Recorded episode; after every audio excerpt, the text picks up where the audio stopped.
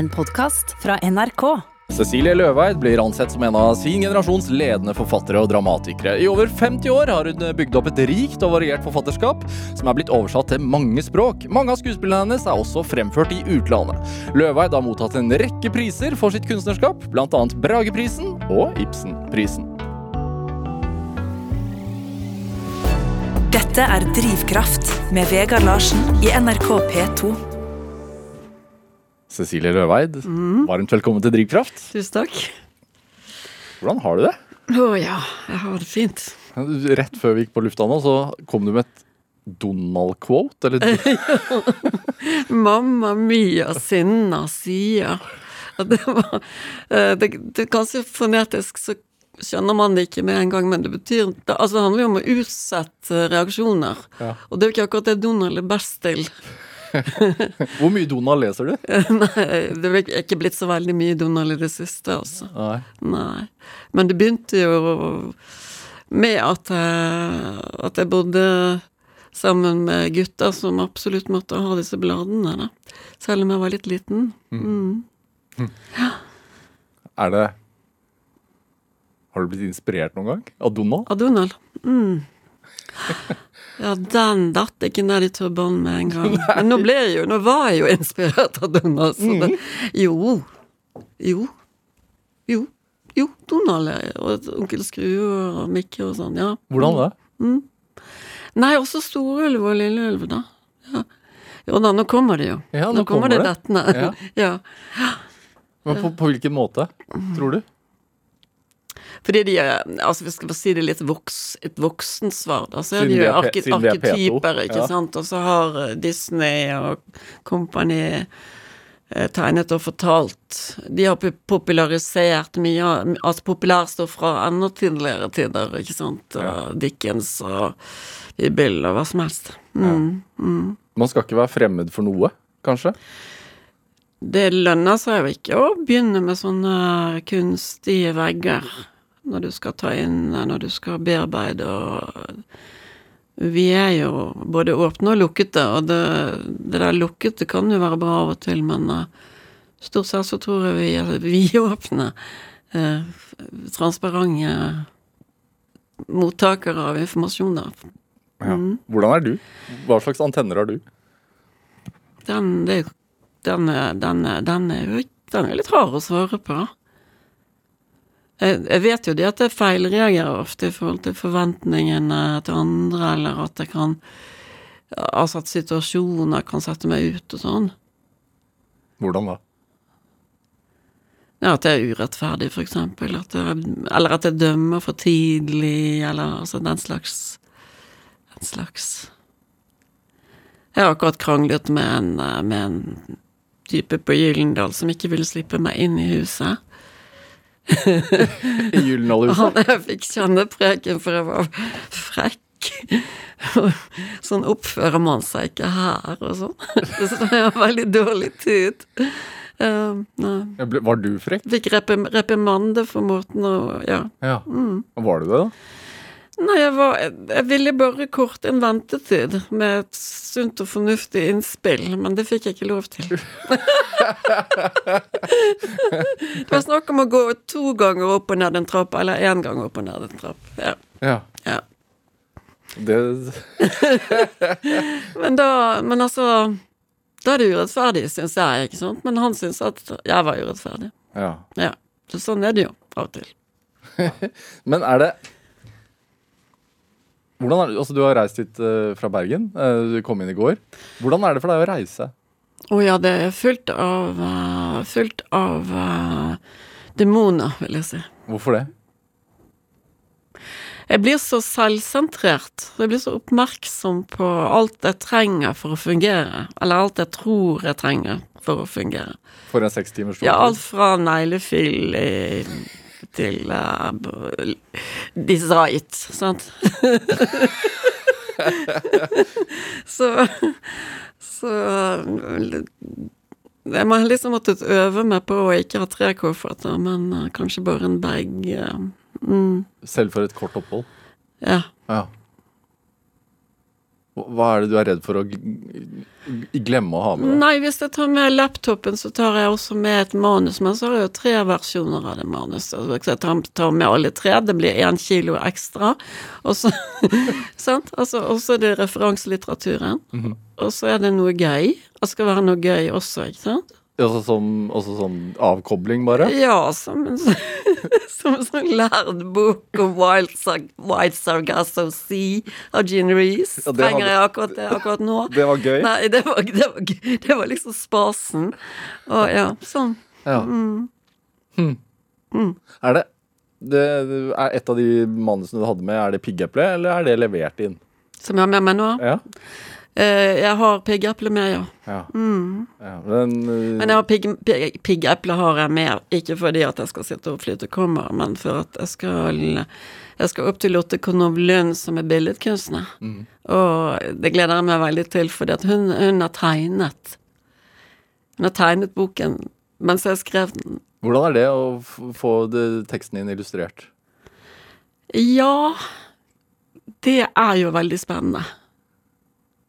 Det er veldig, veldig spennende. Og jeg har sultefòret henne med tekst. Altså, hun har bare fått litt. Og så har jeg fått masse tegninger. Og så, og så begynner jeg liksom tegningene på en måte Begynner å lure på om jeg skriver til tegningene istedenfor at det er hun som illustrerer. Så jeg tror ikke hun er jeg tror sånn helt si Det er selvfølgelig illustrasjoner siden det er en bok, men mm. altså sånn sjangermessig. Men egentlig så er jeg veldig spent på hva det blir til slutt. For vi skal Ja, vi skal legge det utover i morgen. Ja, Du skal sitte og se på det i morgen? Ja. Teksten til, til, til tegningene? Kan det Prøve å komme et skritt videre ferdiggjøring, og det er veldig, veldig mye som gir seg selv, ikke sant. Ja. Altså handler, handler et stykke om ditt og datt, og det finnes et bilde om ditt og datt, så er det jo ikke helt unaturlig å sette det sammen. Så, så veldig mystisk er det jo ikke, men, det, men det, det blir en stor opplevelse, tror jeg. Hva er ditt og datt, Løveid? Hva er ditt og datt? Ja, et, en tekst handler om ditt og datt, et bilde ditt og datt. Da ble jeg veldig nysgjerrig.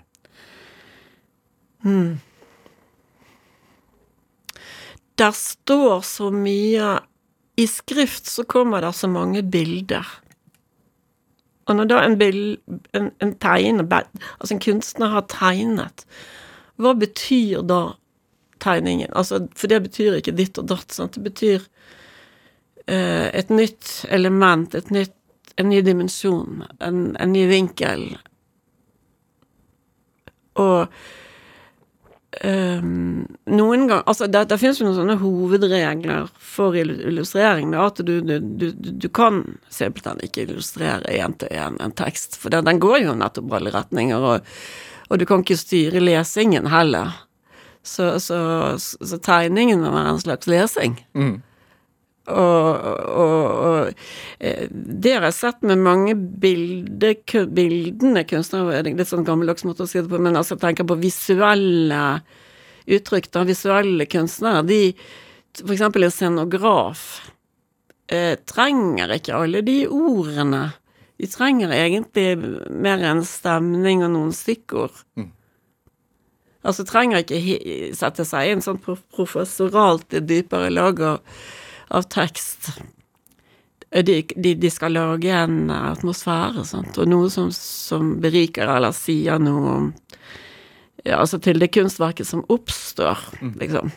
Så det oppstår jo da et nytt kunstverk. En Ja. illustrert bok er ikke det samme som en bok uten bilde, kan vi si. Er det en dialog?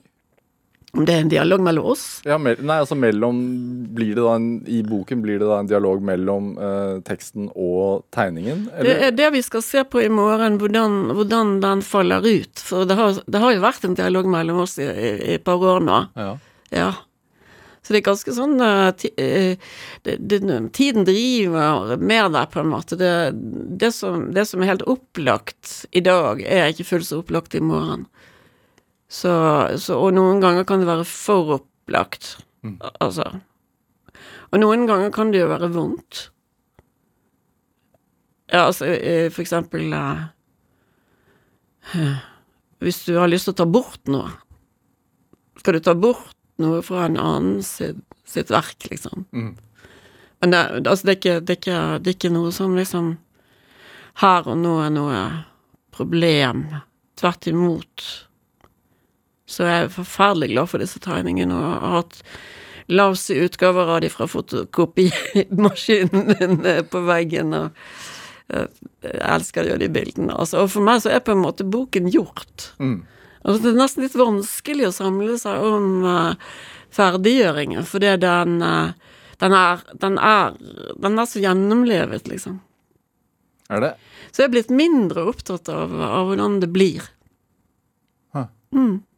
Er det, men er det også som dramatiker også, du, når du skriver skuespill, har du det samme forholdet til når du ser skuespillet da? Altså at du er ferdig med det egentlig når du har levert fra deg teksten? Ja. Det, det er nesten helt sånn. Et eller annet sted i der sitter det jo en rest av lyst til å gjøre et eller annet, eller Eller du, du, du ser det, og så må du liksom Jeg må jo si til meg selv at det er en tolkning. Mm. Det har jeg jo lært meg for, for lenge, lenge, lenge, lenge siden. Det er jo andre som blir opprørt over at de ikke gjør som jeg sier. Altså spesielt litteraturvitere blir jo veldig sånn forskrekket over, over når de ser eh, litteraturen bli scenekunst, for eksempel. At da Hvordan kunne du la de gjøre dette? Liksom, det, men det er bare det at jeg har ikke noe med det å gjøre. Nei. Nei. Har det vært en tid hvor du kunne bli indignert? Ja. Når var det? Jeg har alltid visst at jeg ikke, at jeg ikke hadde den helt store kontroll. Det har jeg alltid visst. Men eh, det jeg av og til har tenkt, er at hvorfor ødelegger de, hvorfor ødelegger de den gode dramaturgien, for eksempel? Hvorfor ser de ikke den buen, liksom? Sant? Altså, jeg mener at de rett og slett uh, tar bort en mulighet for seg selv til å få det bra, liksom, hvis jeg skal være, si det litt fornuftig. Um, nei. Nei, det er en versjon, og det er en lek. Er det, Ja. er det uh, Piggeple, da, som kanskje kommer i mai, vi får se. Mm. Uh, er det Hva slags sjanger er det? Det er vel uh, et forsøk på å utvikle meg fra uh, vandreutstillinger.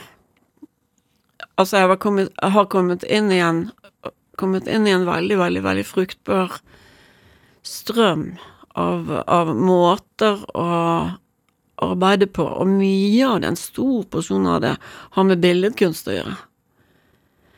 Og så overveier jeg hvor mye har det egentlig med billedkunst å gjøre i forhold til livet mitt, da? Altså i forhold til, forhold til de problemstillingene som jeg selv har i mitt liv. Og så å komme kanskje litt ut over den der, den der bruddstykkesituasjonen hvor det er ett og ett dikt. Altså diktformatet kan kan eh, Altså, hvis du begynner å utvide det til å bli lang, langt og sneglete og, og som eh, Som liksom lange korridorer med tekster, på en måte. Så, så kan det kanskje Ikke sikkert at andre syns det er like interessant som meg. Jeg vet ikke. Eh, Men, men, men Og derfor har jeg Derfor har jeg utforsket det, da. Altså at jeg har prøvd å å la disse forskjellige ideene få lov å komme. Og da, da blir det jævlig mye tekst. Og det, og det er et problem, altså, for det, det blir Det blir eh, Det kan bli for tungt. Og da, da, da kan jeg lure på om jeg ikke skal forenkle. Mm. Sjalte ut en del temaer og konsentrere. Så det er liksom et overflødighetshorn, da. Men Du sa at det handler Det var ikke det du akkurat sa, men du du snakket om problemstillinger i eget liv. Hvilke problemstillinger er det snakk om? Ja, altså Jeg tenker at, at problemstillinger i eget liv det er sånn styltete måte å si ting på, men, men, men det, det vil jo alltid snike seg inn problemstillinger fra eget liv i, når, du, når du uttrykker det. Altså Hvorfor velger du akkurat det og det? Altså, hvorfor velger du for eksempel Francis Bacon? Altså Francis Bacon, som er en maler som var en sensasjon på sånn fra 40-tallet og fremover. Eh, Den største engelske maleren i, i, i moderne tid, før visse andre da, som kom etter. Uh, Hvorfor skal jeg interessere meg for han? Altså, det er så Veldig mye av uh, diskusjonen rundt han er liksom gårsdagens problematikk. Det er ikke noe sånn uh, kjempeferskt. Mm. Sant? Går det an å male paven, paven så grotesk, liksom? Kan du Altså, kan du, kan du liksom Du, du lager portretter, men de ser ut som aper. Ja, det gjorde Picasso også. Eh, altså Sånne problematikker er litt gammeldags. Altså De er ikke sånn på dagsorden. Vi har liksom skjønt det. At, Mm. at, at malerkunst er malerkunst, liksom. At det er noe annet. Eh, men likevel så Likevel så har jeg hengt meg opp i det. Og da, og da kommer det av noe privat. Og, det, og det, det private er at jeg kom til Dublin for første gang for å besøke Og det er jo nødt til å si datteren min, for det var jo datteren min. Hun, studerte i, i Dublin. Og så skulle vi jo på ting, da. Og hun er arkeolog. Mm. Og da, holdt hun meg jo inn til en sånn en, et en, Som vi i Danmark sier moselik, men altså det heter vel myrlik på norsk. Og det heter vel bog, bogman eller et eller annet sånt i, på engelsk. Altså Altså kropper som er funnet i, i, uh, I myrer. i myrer, og så godt bevart at folk tror det er ferske forbrytelser. Ja. Ja. Det gikk dere også en ut... En, var, hvor så dere det? Ja, nei, det var Nat Naturhistorisk museum i Dublin. Ja. Og da, da, da hadde ikke jeg lyst til å gå inn og se på de her, for de, de var nydelig Nydelig utstilt på den måten at de ikke var utstilt. Det var en diger utstillingshall, eller øh, ja, rom, og så kom eh, så, så står det noen sånne sneglehus, nærmest. For én for hver, for hver kropp, da. Så du, du går inn, og så, og så blir det et lite privat rom, som en liten Som en sånn lite kapell, nærmest, altså. Hvor, hvor det ligger eh, et lik. ja. Som da er selvfølgelig fullstendig sånn lær, da, på en måte. Det, det er jo inntørket. Og Hva slags inntrykk gjorde det? Jeg har sett før i, i Danmark, det må jeg si. Det var ikke første gang jeg så en sånn, men, men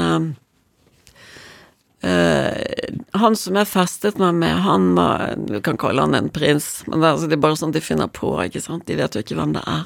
Men han var bare halv. Han var en torso med armer. Altså, halv, altså nederkroppen var vekk. Alt var vekk. Men alt det, det som var der, var perfekt.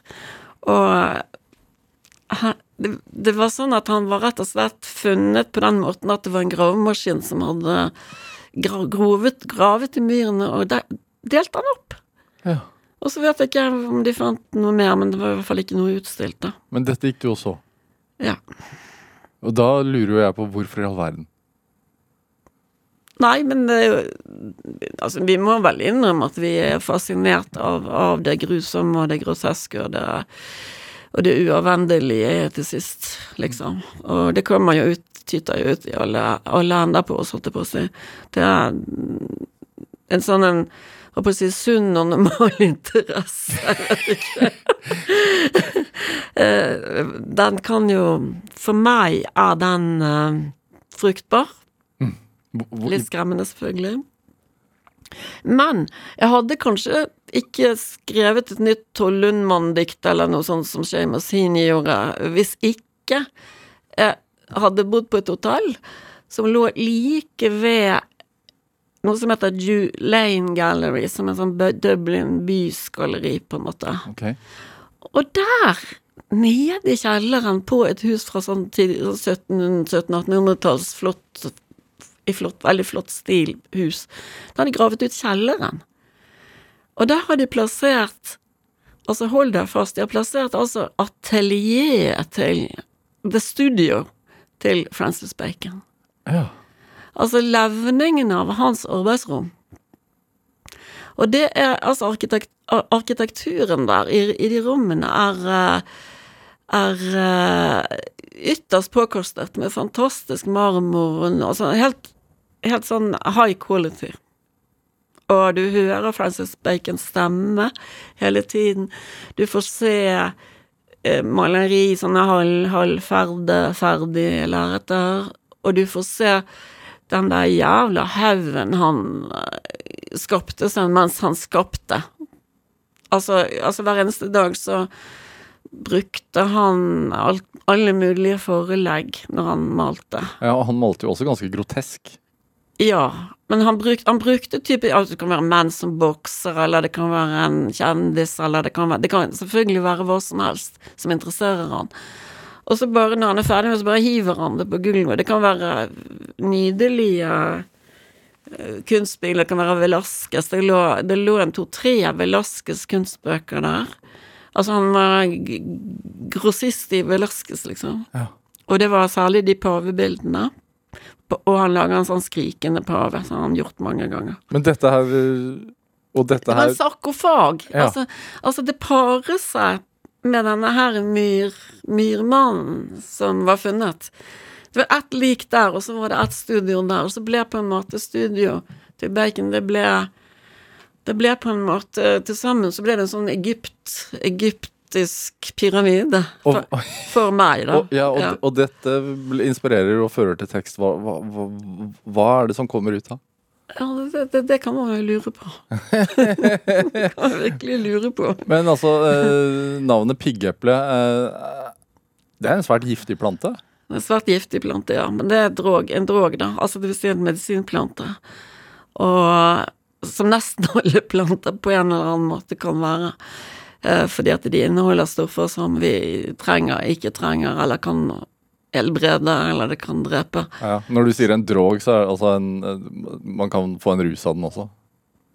Drog betyr vel egentlig bare medisinsk plante, tenker jeg. Men, brukt i altså, jeg er ikke noe ekspert på det, men uh, det er nok. Ja. Mm. Men Altså- også en sånn eh, du- Ja, du, får jo, du fikk jo konjakk på, konjakk på resept Ja. før i tiden. Det var, jo, det var jo fremstilt som medisin. Hvorfor det navnet? Hmm? Hvorfor det navnet? Droge. Piggeple? Og piggeple. Jo, jo, det, kan jeg, det, kan, det er en veldig enkel forklaring på. Det det at Francis Bacon som barn Altså, Francis Bacon, he- Bacon hele livet var astmatisk, astmatiker. Ja. Så han hadde akkurat samme sjuka som meg. Astma. astma. Og det brakte, og når jeg leste om det, så brakte det meg tilbake til barndommen min, hvor jeg fikk eh, noe som min mormor kalte kamfor. Kamfor på brøstet. Altså en sånn liten pose, tøypose som var sydd, og så lå den under undertrøyen, liksom, for at det skulle liksom lette pust, pusten. Ja. Og akkurat det samme skjedde med Francis Bacon med dette piggeplet, da. Hans bestemor eh, dampet piggepleplanten, Visste de da at man og han skulle får, inhalere dette her, da. ja, Visste man da at man fikk kunne få hallusinasjoner av det? Er du gal? Selvfølgelig visste man det, men det tok mamma vel med seg, vel. Akkurat som du er alkohol i Bergens brystbalsam.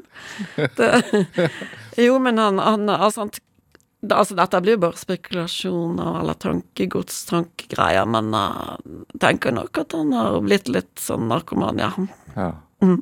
Men altså, du skriver eh, blitt inspirert av, Bacon til din kommende eh, er ikke en diktsamling, men, men, men bok. Og, og så skriver du også på et eh, stykke som skal opp på Nationaltheatret om Sylvia Plath. Mm, mm. Hvorfor er du inspirert av hun? Herregud. Hvorfor er jeg inspirert av henne? Jo, altså Enkelt sagt så, så har hun jo noen sånne knalldikt, da. Eh, som, som man kommer over ganske tidlig hvis man eh, begynner å grave i diktlitteraturen. Mm. Men, men uh, vi har jo hatt 70-tallet gående, ikke sant, hvor Sylvia Plath har vært uh, død lenge allerede. Hun døde i 63. Ja, bare noen og 30 år, eller ble hun 30 Hun år? ble 30 år. Ja. Hun var ikke fylt mer enn Ja, hun var 30 år. Ja. Trist skjebne, tok sitt eget liv. 11. februar så brukte hun jo denne tydeligvis populære metoden med å med gasskomfyr steke ovnen. Ja. Ja. Og det er jo 60 år siden nå, da. Og i mellomtiden, da, altså, da, hun, da hun døde, så hadde hun en roman ute under pseudonym. Sarah Lucas.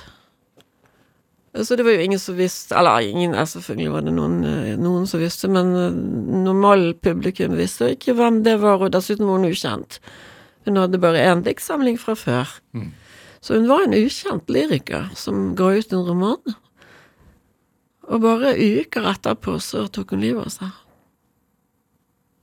Og i den, høst, den høsten og vinteren og over jul der hadde hun altså skrevet en helt en helt- en helt fantastisk rekke dikt. Og hun hadde en eh, Hun hadde da vært gift med Ted Hughes, som også var lyriker, og som hun på en måte hadde backet opp masse. Han skrev manuskriptene hans og alt mulig sånn, og var veldig, var veldig sånn team. Mm. Og, og, og han fikk Han arvet jo Han arvet at eh, Selv om de var separert, så arvet han For de var fremdeles gift. Arvet han rettigheten, og det var, det var bra. For hvem skulle ellers ha tatt vare på dette? her? Ja, nettopp. Ja. Så, så den Ariel eh, kom ut i fem, 65, 1965.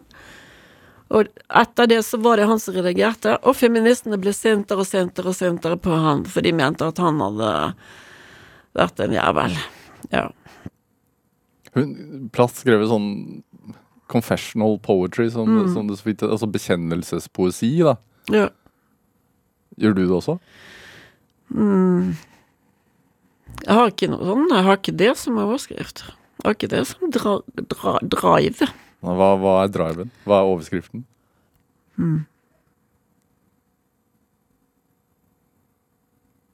Nei, altså, det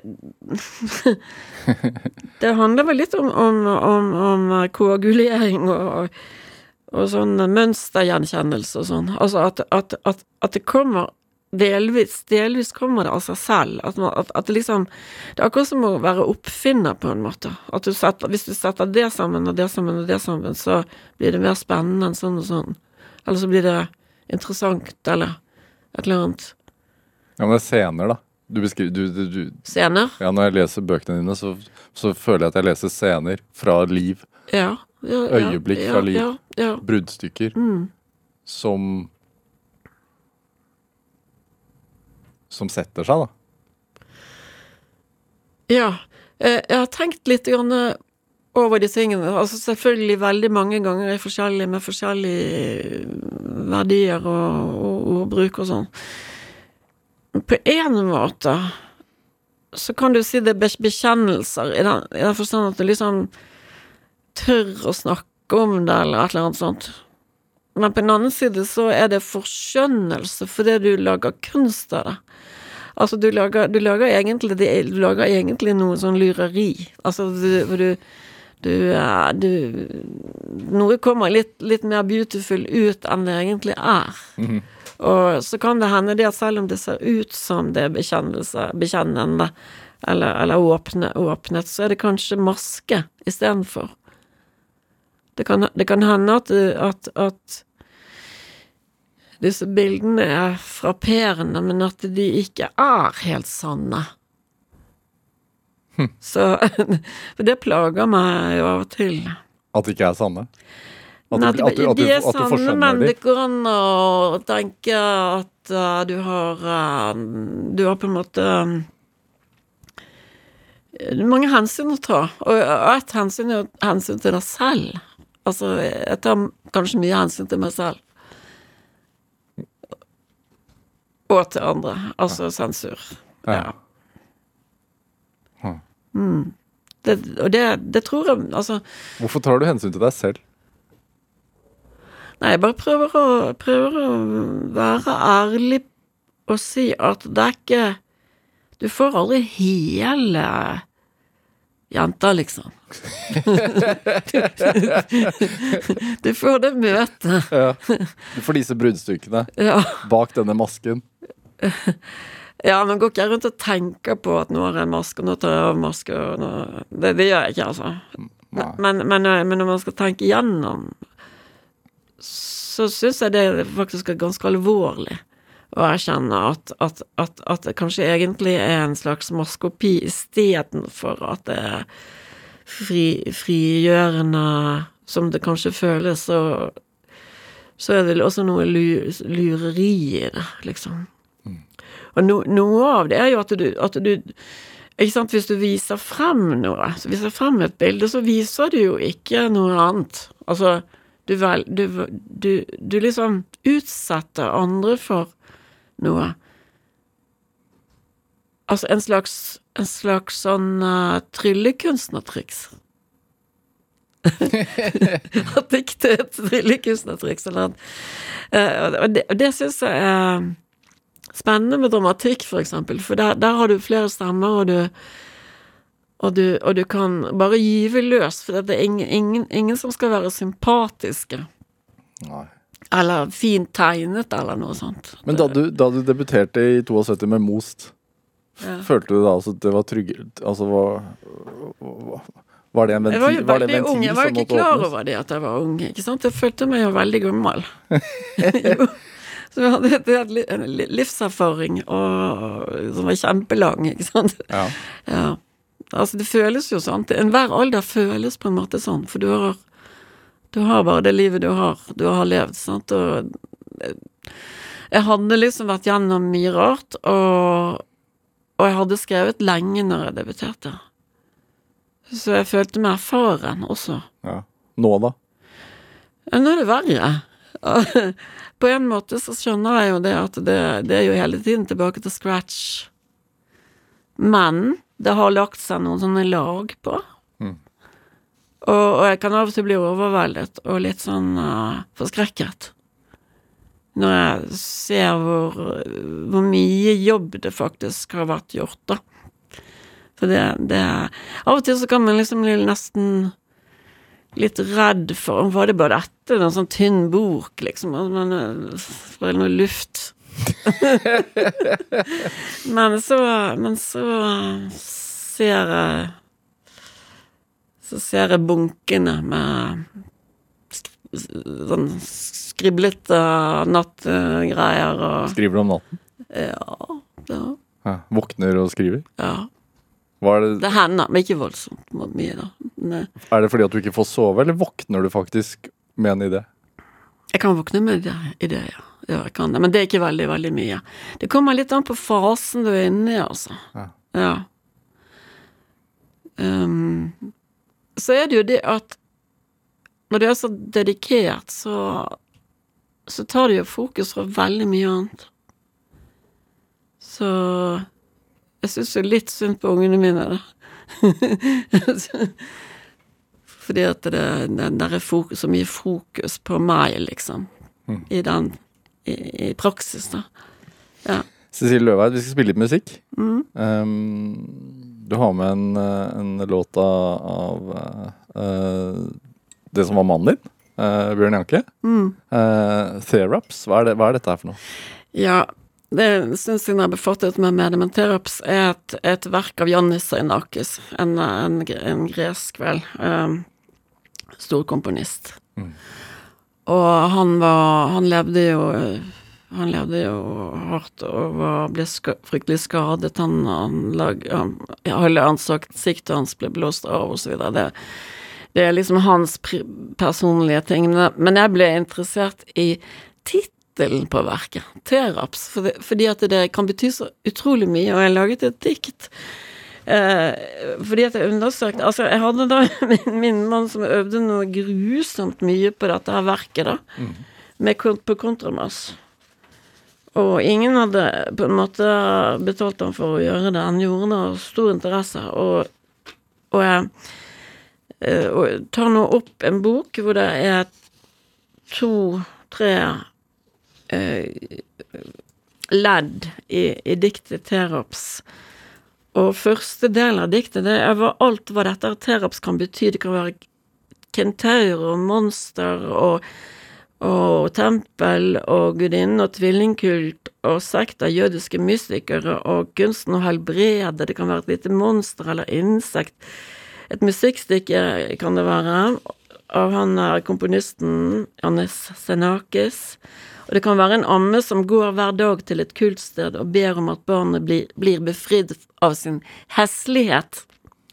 Og så sier jeg helt til slutt Led denne musikeren, hvis han finnes, til grensen, før ham frem til bunnløse svelg, hvor stor musikk kan lokkes frem ved beslutning, men bare hvis han fortsetter å mishandle fingrene sine lenge etter at de er misdannet. Driv ham utfor og be ham slippe kanten. Der kan du deponere ditt liv. Takk. Skal vi spille, da? Veldig gjerne.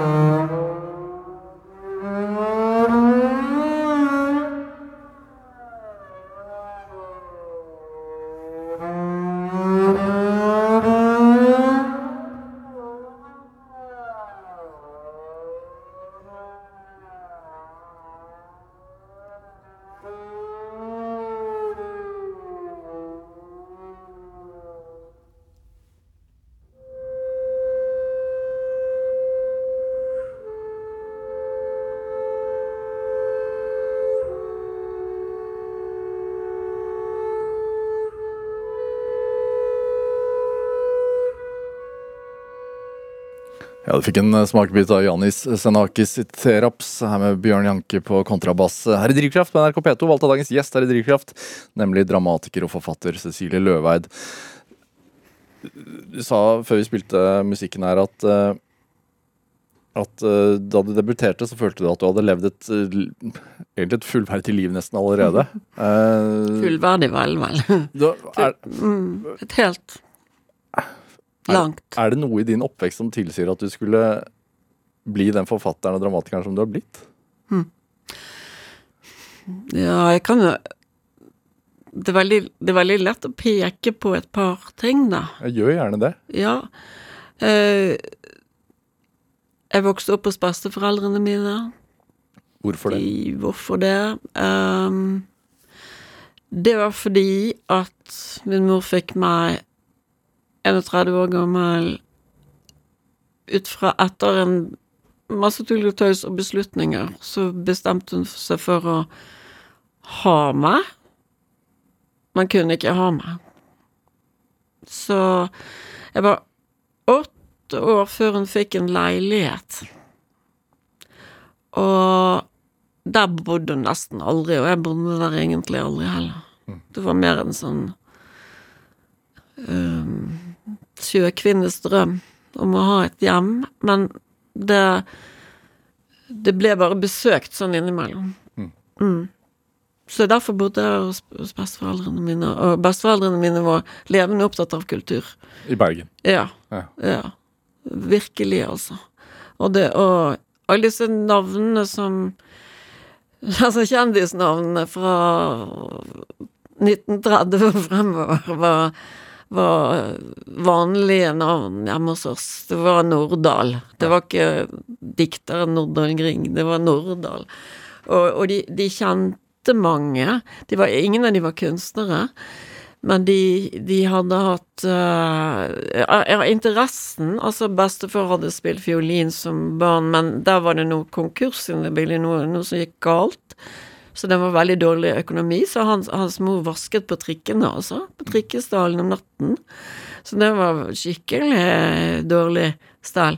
Men, men, men, den gangen så, så Han hadde søsken, og søsteren fikk kontakt med en russer som kom til Bergen, som var flyktet fra en eller annen av de der små revolusjonene i, i Russland.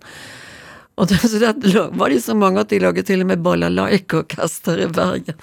Så det var, det var veldig, veldig, levende politisk miljø, og det som var radikalt og tøft den gangen, det var jo, var jo å være kommunist, altså. Mm. Men det medførte Det var veldig mange kulturarbeidere, eller hva vi skal kalle det for, som var politiske. Og det ble Det ble for eksempel litteratur kunne du lese russisk litteratur. Og du kunne lese ny russisk litteratur. Hva leste du tidlig? Og jeg leste tidlig, så leste jeg Å, jeg, jeg gikk jo den vanlige veien fra kolportasjeromaner altså, altså, jeg mener sånn billig crap til til at min mor Altså, min mor var akkurat sånn kulturbevisst, så når hun kjøpte en bok, så kjøpte hun det for educational reasons, liksom. Mm. Så hun kjøpte, hun kjøpte bøker som har vunnet gullmedaljer og sånn, i Amerika og sånn. Men, men eh, jeg leste jo alt mulig. Ja, satt, satt de, hvor høyt satte du de bøkene som du fikk av din mor? Nei, mer artefakter. Ah. Hva betyr det? Nordbundere. Ja. Jeg tror ikke jeg kom så dypt i de, vanligvis. Nei. Nei, jeg var vel enklere. Jeg var bare en vanlig, vanlig jente i hodet. Du, du, du, du, kan ikke Det der kan du ikke styre. Men, men det viktige er jo at du, at, at får lest, og så er det viktig Jeg mener ikke sånn det er, det er uviktig med kvalitet, det mener jeg ikke. Men jeg mener at du må ha en praksis. Og så hørte vi radio, og hørte vi Torborg Nedreås lese fra bøkene sine, vi hørte Darja Vesos, vi hørte Johan Borgen. Mm. Eh, alt mulig, alt mulig voksent. Mm. Altså voksenlitteratur var interessant, barnelitteratur ble mindre og mindre aktuell. Fikk du være barn? Nei, egentlig ikke. Altså, ja, det er litt sånn hardt sagt, da. Men, eh, men jeg hadde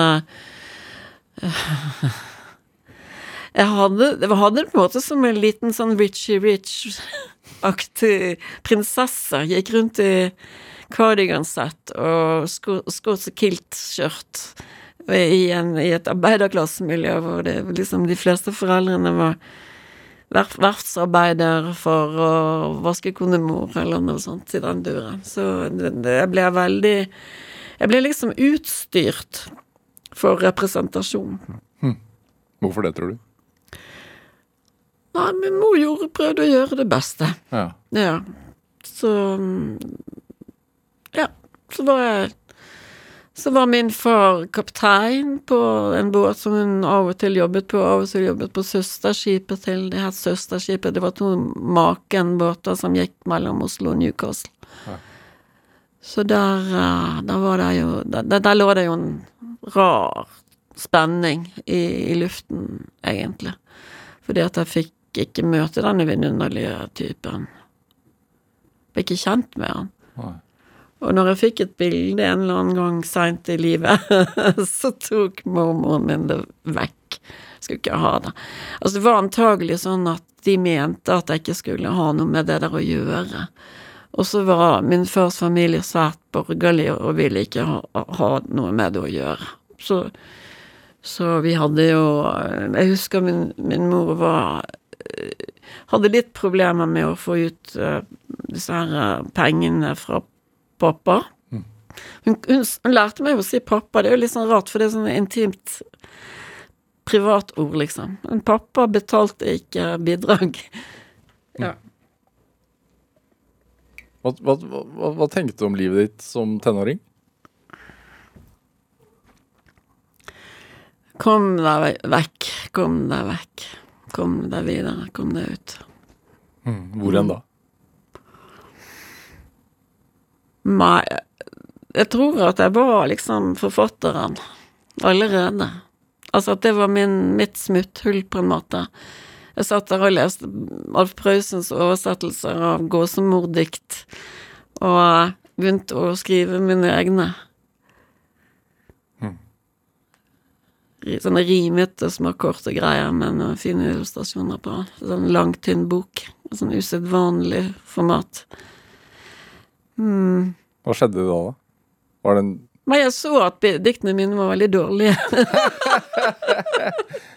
Ja, så måtte det bare gå litt tid. Jeg leste mye Hamsun, da. Av Johan Borgen. Og Ja, selvfølgelig leste jeg mange bøker, men, eh, men spesielt Hamsun. Jeg tror han er smittsom. Altså, altså du, du blir så Du blir så inntatt i den ele, ele, elegan- det elegante språket som er er også veldig erotisk på en måte. Altså det er mye, mye begjær og lyst og lengsel og mystikk i Hamsun. Pluss selvfølgelig dette nordnorske, som er eh, Og jeg har alltid lurt på hvorfor han var så avslepet i språket. Men eh, jeg har jo skjønt at, at foreldrene hans kom sørfra, og at at det har vært en norm, at norm, at det har vært et ønske om å slepe av seg dette nordnorske, nordlandske, da, kanskje, muligens. Men nå var jo mannen min delvis fra Bodø, da. Altså, mor var fra Bodø, og de flyttet, familien flyttet dit når han var ni år, så han snakket jo nordlandsk. Altså ikke til daglig, men han kunne, han kunne snakke nordlandsk. Så det, det syns jeg var spennende, å liksom plutselig få en tilknytning, reise ut på Kjerringøy og se hvordan det egentlig var der og sånn. Det var veldig gøy. Men den øh, Istedenfor å skrive hva skal man si, rent øh, handlingsdrevet litteratur, så har du sånn utforsket språket i stedet. Ja, jeg tror jeg, jeg, tror jeg, fikk, en, jeg fikk en sånn i vuggegave, en sånn modernistisk Jeg tror det har vært en fe som har liksom pekt på meg med denne modernistiske staven. Altså, for, altså, altså i betydningen at jeg trodde at det var mest fremtidsrettet, eller altså at det var mest moderne. Jeg ville gjerne, gjerne være moderne. Når det kom, når det kom, når det kom, kom festspill, for eksempel, så gikk jeg jo Håkonshall og hørte Barne Norheim. Mm. Istedenfor jeg gikk ikke på rockekonsert eller Nei. Ikke fordi at jeg ikke, ikke, kunne høre rock eller pop eller sånn, men, men det var akkurat som det var den driven, var den retningen, og det, det var veldig selvsagt for meg. Hvorfor? Fordi at det er intuitivt mer enn Ja. ja. ja. ja. Er det det du leter etter også, når du skriver? Det intuitive. Ja. Nei, det, det, det behøver ikke jeg lete etter. Det, det er mye, mye mer eh, Mye mer ball med å få det på greip, for å si det sånn. Nei, jeg dyrker ikke Jeg dyrker egentlig ikke eh, eksperimentet sånn sett. Nei. Det gjør jeg ikke. Eh, egentlig så skriver jeg på samme teksten som jeg alltid har skrevet på. Jeg, jeg har ikke Jeg tror ikke at jeg Jeg tror ikke dypet down at jeg har eh, bruk for liksom å ta på meg å skulle utvikle skrivekunsten. Det er ikke så ambisiøs. Jeg, jeg Det må være Det må være natur... Altså, det naturlige naturlig er viktig. Mm. Ja. Hva er det? Det er samklang mellom de indre bildene og det, og det som øh, på en måte er det strukturelle. Mhm. Jeg må, jeg, jeg må jo Altså, jeg må komme frem til et resultat som kommuniserer. Altså at det må kunne leses av andre enn bare meg, liksom. Så må, det må Det må Det må ha noe allment. Ja. Altså, en av ingrediensene all, all, det allmenne. Det høres jo Det er jo drittkjedelig å si, men, men, men det må kommunisere. Ja. Ja. Er det Ble det å skrive en ventil? Eller en, eller, Håper ikke det, jeg. eller, eller en terapi? Mm. Dikt er vel en ting, altså et skapt en skapt ting. Og akkurat som pottemakeren lager en ny krukke, og så for å være litt romantisk, da, så blir det aldri samme krukken. Nei. Selv om den Er den samme? er den samme. Ja. Ja. Hva er din krukke, da?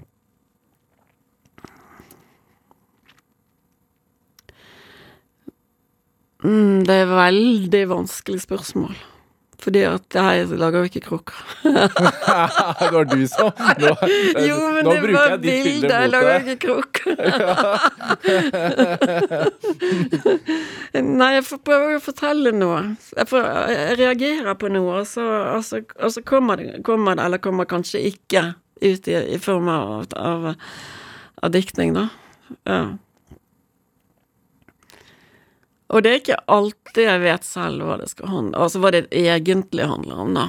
For jeg kan bli fascinert av noe ytre, eller noe, noe som, som var spennende for meg å oppleve, så men, men det har jo ikke leseren heller opplevd. Så det, du skal tas gjennom en Ja ja, ok da, det kan, kan godt hende at du skal gjennom en trakt, men, men det var et veldig uhyggelig sted å være, syns jeg, i en trakt. I en, i en, Eh, Nei, men, men jeg, jeg, har, jeg har det vel sånn at jeg beundrer. Jeg beundrer folk som får til ting. Og, og, og, og, kan skrive eller tegne eller lage, lage noe som gjør inntrykk på meg. Og så er det litt sånn Sånn vil jeg også gjøre. Uh, ja. Og det, det er liksom det, det er naivt. Altså, altså fordi at For det, det er nettopp ingen som lager mine ting, og jeg kan ikke lage andres ting, så det Men jeg slutter meg jo liksom til kulturen, da. Så føyer meg inn i, i, i det mulige. For, for ellers, så, ellers så blir det ingenting. Sant? Er det viktig for deg at det blir noe? Ja, veldig viktig for meg at det blir noe Jeg har faktisk blitt kritisert for det. Altså, altså det er så, så viktig å avslutte, så viktig å sette er så veldig, veldig viktig å få det ut. Trykksaker, få det spredt, få det bli bli sett. Som om ikke teksten var det viktigste. Og det er jo ikke sant. Det er absolutt ikke sant. Men jeg, det, det har føga nytte når, hvis det bare ligger i den der skrivebordsskuffen, den berømte, du vet. Ja, så har det jo ingen, ingen Jeg vet godt at man kan, man, man kan um, gjemme ting lenge. Det gjør jeg også. Mm. Jeg vet, du, vet du samler Mm. Samler. og setter sammen. Og oppdager. Altså, jeg oppdager mine egne, egne tekster, da. Ja. Det, det er litt fint. Ja. Er det som en slags, blir det som en slags dagbok?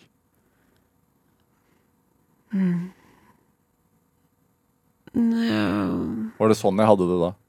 Nei. Jeg er veldig lite opptatt av hvordan jeg hadde det, eller har det. Ja. Jeg er mer opptatt av eh, det som skjer med mennesker, skjer, mellom mennesker, og, og tror, tror at jeg ønsker å komme nærmere det som jeg beundrer og ser for meg, og som er attraktivt. Det, det Det er litt romantisk lengt, faktisk, i det. Eh, og, og litt sånn entreprenøraktig. Mm. Mm. ja. For eksempel et mo moselik. Et moselik, et myrlik. Myrlik. Med intakte, intakte fingeravtrykk. Ja. Ja. Og det der, der at du er gammel, du er 20 år og du er gammel, eller du er 70 år og du er gammel Alt blir jo som en sånn prikk i det fjerne, ikke sant. Det boble... Altså, du er en boble, liksom, på en måte, da. Mm. Så, så jeg ve ve vekter veldig mellom det der å ikke gi meg selv for mye betydning. Og det at du kan, du kan ikke få til noe hvis du ikke tar den betydningen du har, på alvor. Og så må jeg jo liksom se på hvordan an, an, andres ting fungerer, for å se min egen funksjon, for jeg kan ikke vite hvordan mine ting fungerer, egentlig.